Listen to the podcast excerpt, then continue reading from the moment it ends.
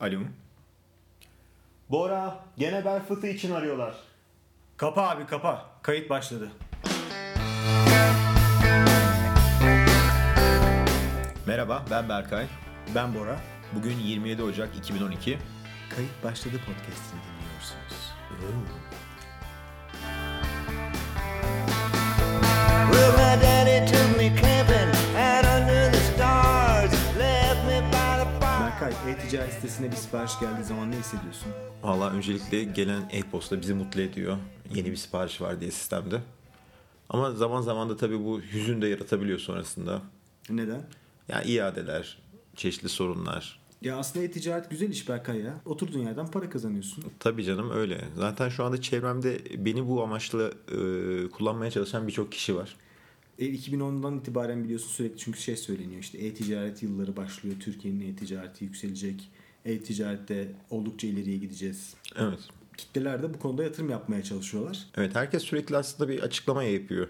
İşte com, e, Comscore yaptı mesela Türkiye'deki e, e-ticaret alanının gitgide büyüdüğünden ve 2015 ya da 2014'ün sonlarında peak yapacağından E, insanlar bunu duyarak mı e-ticaret sitesi açmayı şu anda yeni bir trend haline getirdiler bilmiyorum ama herkesin içinde bir e, girişimcilik ruhu var bu aralar. Bence aslında o şeyden kaynaklanıyor. Çünkü birçok başarı hikayesini insanlar okuyorlar işte. Ev hanımıydı, e-ticaret sitesine başladı. İşte şöyle başarılı oldu. Şimdi ayda bu kadar para kazanıyor vesaire gibi. Tabii bunların hepsi başarılı örnekler ve belki de hani alanlarında çok fazla rekabet olmadığı için hızlıca büyüyen örnekler. Evet örneğin mesela Hazarfen örneğini verdiğimiz zaman biz Hazarfen'in Galata'dan uçtuğunu biliyoruz ama Evet.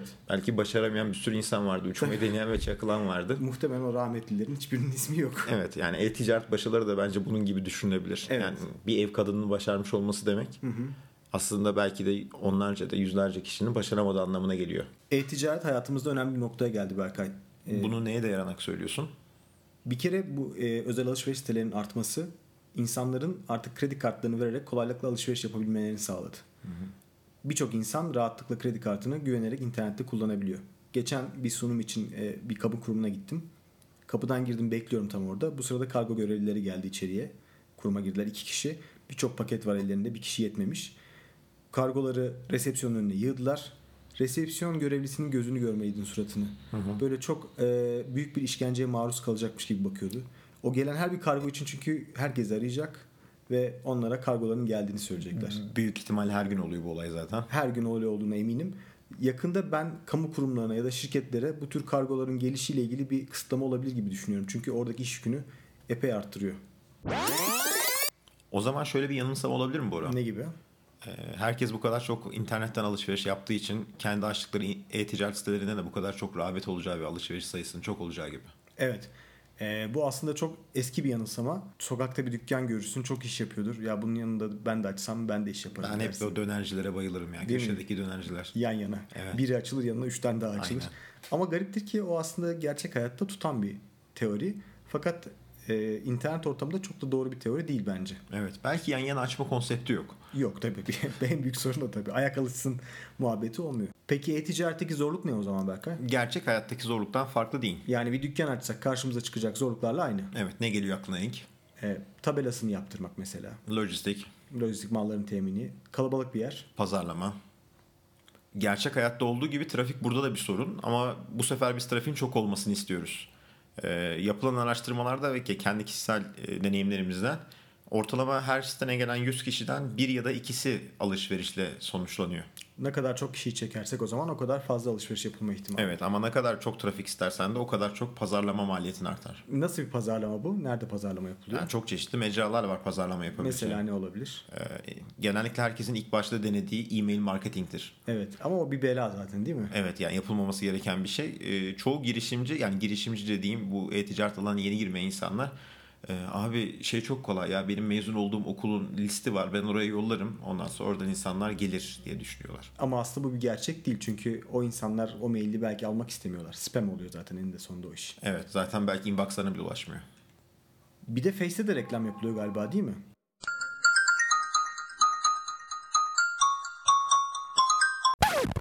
Aslında Facebook reklam yapmak için oldukça iyi bir mecra. Neden dersen e, Neden?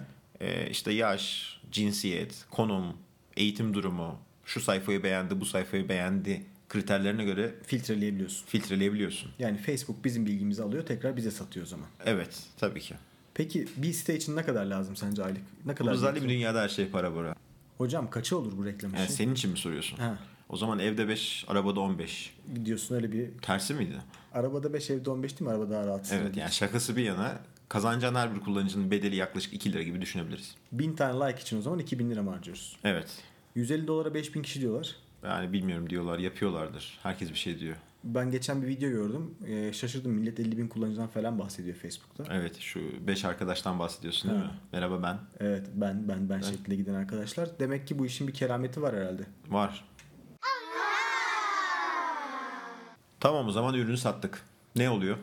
Ürünü sattık, mutluyuz, parayı cebimize alıyoruz. Akşam ezmeye gidiyoruz Berkay'cığım. Evet Ama, ama, gerçekler böyle değil tabii. E, değil tabii değil değil. Ne oluyor abi? Öncelikle ürünü satamıyorsun çünkü ürün tedarik etmen gerekiyor. Evet. Çünkü stokta değil. Evet. Çünkü hiçbir tedarikçi küçük esnafla uğraşmak istemediği gibi küçük e-ticaret sahibine sa- sitesine sahip olan insanla da uğraşmak istemiyor. Yani ben diyelim ki bir tane defter sattım müşterime. Evet. Gidip toptancıdan bir defter istediğim zaman nasıl bir tepkiyle karşılaşıyorum? Ee, belki ilk başta evet diyorlar da 3. 4. siparişten sonra demeyecekler. Canım biz bunu koliyle satıyoruz. Yüzlük.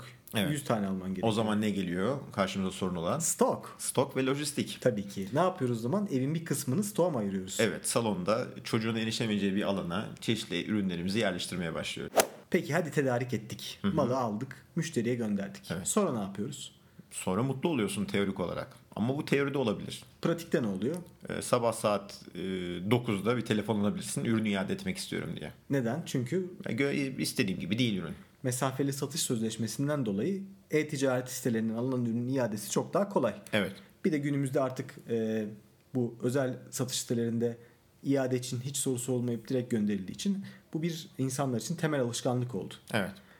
Mal geri geldi eline. Bir adet malla birlikte masanda oturuyorsun. Ne Evet. yapıyorsun o malı? Öncelikle bu e, iade gelen malı kendi için kullanabilir miyim sorusunu soruyorum. Tabii mesela kilotlu çorap satarsan senin için pek güzel olmayacak. Aa, Onu da kullanabilirsin yani bir soygun falan yapmayı planlarsan kullanabileceğin bir yer olur ama öyle bir yatırım gibi. Değil mi? Bir yerde saklıyorsun o zaman. Evet bir yerde saklıyorsun. Peki Bunu- iade etmeye çalışsan aldığın yere sen de Ya bu tedarik için tamamen olaya nasıl baktığıyla alakalı bir şey. Yani çoğunlukla bu iade sürecinde sıkıntı yaşıyorsun. Yani sen o müşteride aslında mesafeli satış sözleşmesinde sattığın zaman ürünü belli e, haklar veriyorsun ama tedarikçiden mesafeli olarak tedarik ettiğin zaman bu haklara sahip olmuyorsun maalesef. ama araya bir mesafe giriyor en sonunda. evet, evet. Yani Senden soyuyor tedarik için o zaman. Evet burada e, aslında sen genellikle kargo firmalar için çalışmış oluyorsun. Çünkü bu iade zinciri içerisinde toplam 4 tane kargo oluyor. Tedarikçiden sana, senden müşteriye, müşteriden sana, senden gene tedarikçiye eğer gidebilirse.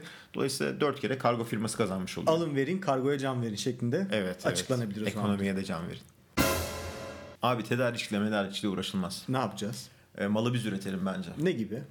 E, doktor, e, çocuklara yönelik bir e, oyun kartı yapalım. Bebekler yönelik oyun kartı iyi fikir. Siyah beyaz olanlardan Evet, atıyorum yani. Acaba atmıyor muyum? ya? Yapmış mıydık biz bunu? E, yaptık yaptık. E ne gibi sorunlar çıktı? Bir kere orada da dağıtım ağına girmen ve onların sattığı o tür ürünlerin var olduğunu herkese duyurman gerekiyor. Evet yani gene burada pazarlama ama bence pazarlamanın öncesinde de dağıtım ağına girme olayı var. Evet bizim ne kadar zamanımız aldı ben sana şöyle söyleyeyim. Yaklaşık 12 ayımızı aldı bir dağıtım ağına girebilmek. Ayrıca dağıtım ağı da e, savaş cephesi gibi. Girdin mi tek parça halinde çıkamıyorsun. Malları gönderiyorsun. Evet. Mallar dağılıyorlar. Ondan sonra gene aynı sorunlar. İadeler gelenler, tekrar istenenler, paranı alamamak vesaire gibi birçok sorunla uğraşıyorsun. Aslında çok saçma değil mi? Yani ürünü tedarik ettiğin zaman iade edemiyorsun ama ürünü ürettiğin zaman bir şekilde iadeyi kabul etmek durumunda kalıyorsun. Çünkü bu alanda yenisin. Evet burada e, çok güzel atasözleri var Ne ama gibi? tabii podcast'te söylemek pek hayırlı olmaz. Aa. Yağmurla ilgili onlar. Öyle mi?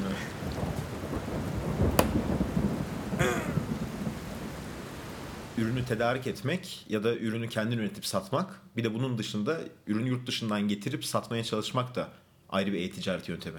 İnsanlar buna ilgi gösteriyorlar son zamanlarda. Evet özellikle internette gezdikten sonra bu ürün çok güzel, bu ürün Türkiye'ye gelirse çok güzel satar diye düşünüyorlar ama olayın gerçeği aslında bu değil. Tabii burada bir de Türkiye'de çünkü ithalatıyla uğraşmak gerekiyor. Evet yani gümrük işlerini geçtik, onu aracıyla halledebilirsin ama e, Türkiye'de satmak istediğin ürünün garantisi olması gerekiyor. Garantisi olmadığı zaman o zaman sen e, müşteriyle yüz yüze kalıyorsun ürün bozulduğunda. Evet ayrıca bu tek bunda da kalmıyor. Eğer ürün Türkiye'ye ilk kez getirildiyse bu ürünle ilgili gidip Sanayi Bakanlığı'na müracaat edip işte garanti belgelerini vesairelerini falan onaylatman gerekiyor. Evet zor bir iş. Bu da ayrı bir süreç. Abi çok mu karamsar olduk sence? E bunlar işin hep negatif tarafları. Bu durumda iyi bir pazar seçmek lazım. Evet iyi bir pazar ve niş bir pazar seçmek. Niş pazarda daha az pazarlama parası harcarız. Evet çünkü rakiplerimiz daha az güçlü. Ee, Dolayısıyla daha az bütçeyle daha iyi marketing yapma şansımız var. Aynı zamanda müşteri hizmetleri de çok önemli. Evet daha önce saymış olduğumuz unsurların hepsi geçerli burada ama müşteri hizmetli bence bunların en önünde gelen unsurlardan bir tanesi. Müşteriyi memnun edebilmek için e, ona belki transparan olmak lazım. Kesinlikle. Örneğin bir ürün sana geri iade ediliyorsa ve ürünün gerçekten hatası varsa bu ürünü kesinlikle geri alman gerekiyor. Belki satışı kaybediyorsun ama müşteriyi bir şekilde kazanıyorsun. Ya da ürün yoksa bunu müşteriye bekletmeden bildirmek. Evet. Eğer isterse siparişini iptal edebileceğimizi söylemek de önemli unsurlardan bir tanesi. Varıcım topla gel gel gel gel gel gel. Geri geri geliyorum o zaman. E-ticaret iyidir. Güzel Candır. yapılırsa para kazandırır. Bunun için gerçek hayattaki örneklerden ne yapıyoruz? Örnek alıyoruz. Evet feyiz alıyorum. E, gerçek hayatta bir dükkan işletmenin kuralları neyse e-ticarette de aşağı yukarı ticaret kuralları aynı. Hayallere kapılmıyoruz. Hayallere kapılmıyoruz. Ayaklarımızı yere basıyoruz. Aynen. Plakası mafya olan arabalarda binmek için bir hayalimiz olmuyor. Sonu kötü oluyor sonra biliyorsun. Evet. Ve e, bu kurallara uyarsak da başarılı bir ticaret, e-ticaret hayatı bizi bekliyor. Evet ya da girişimi. Ya da girişimi. Evet girişim dedin canını yedi.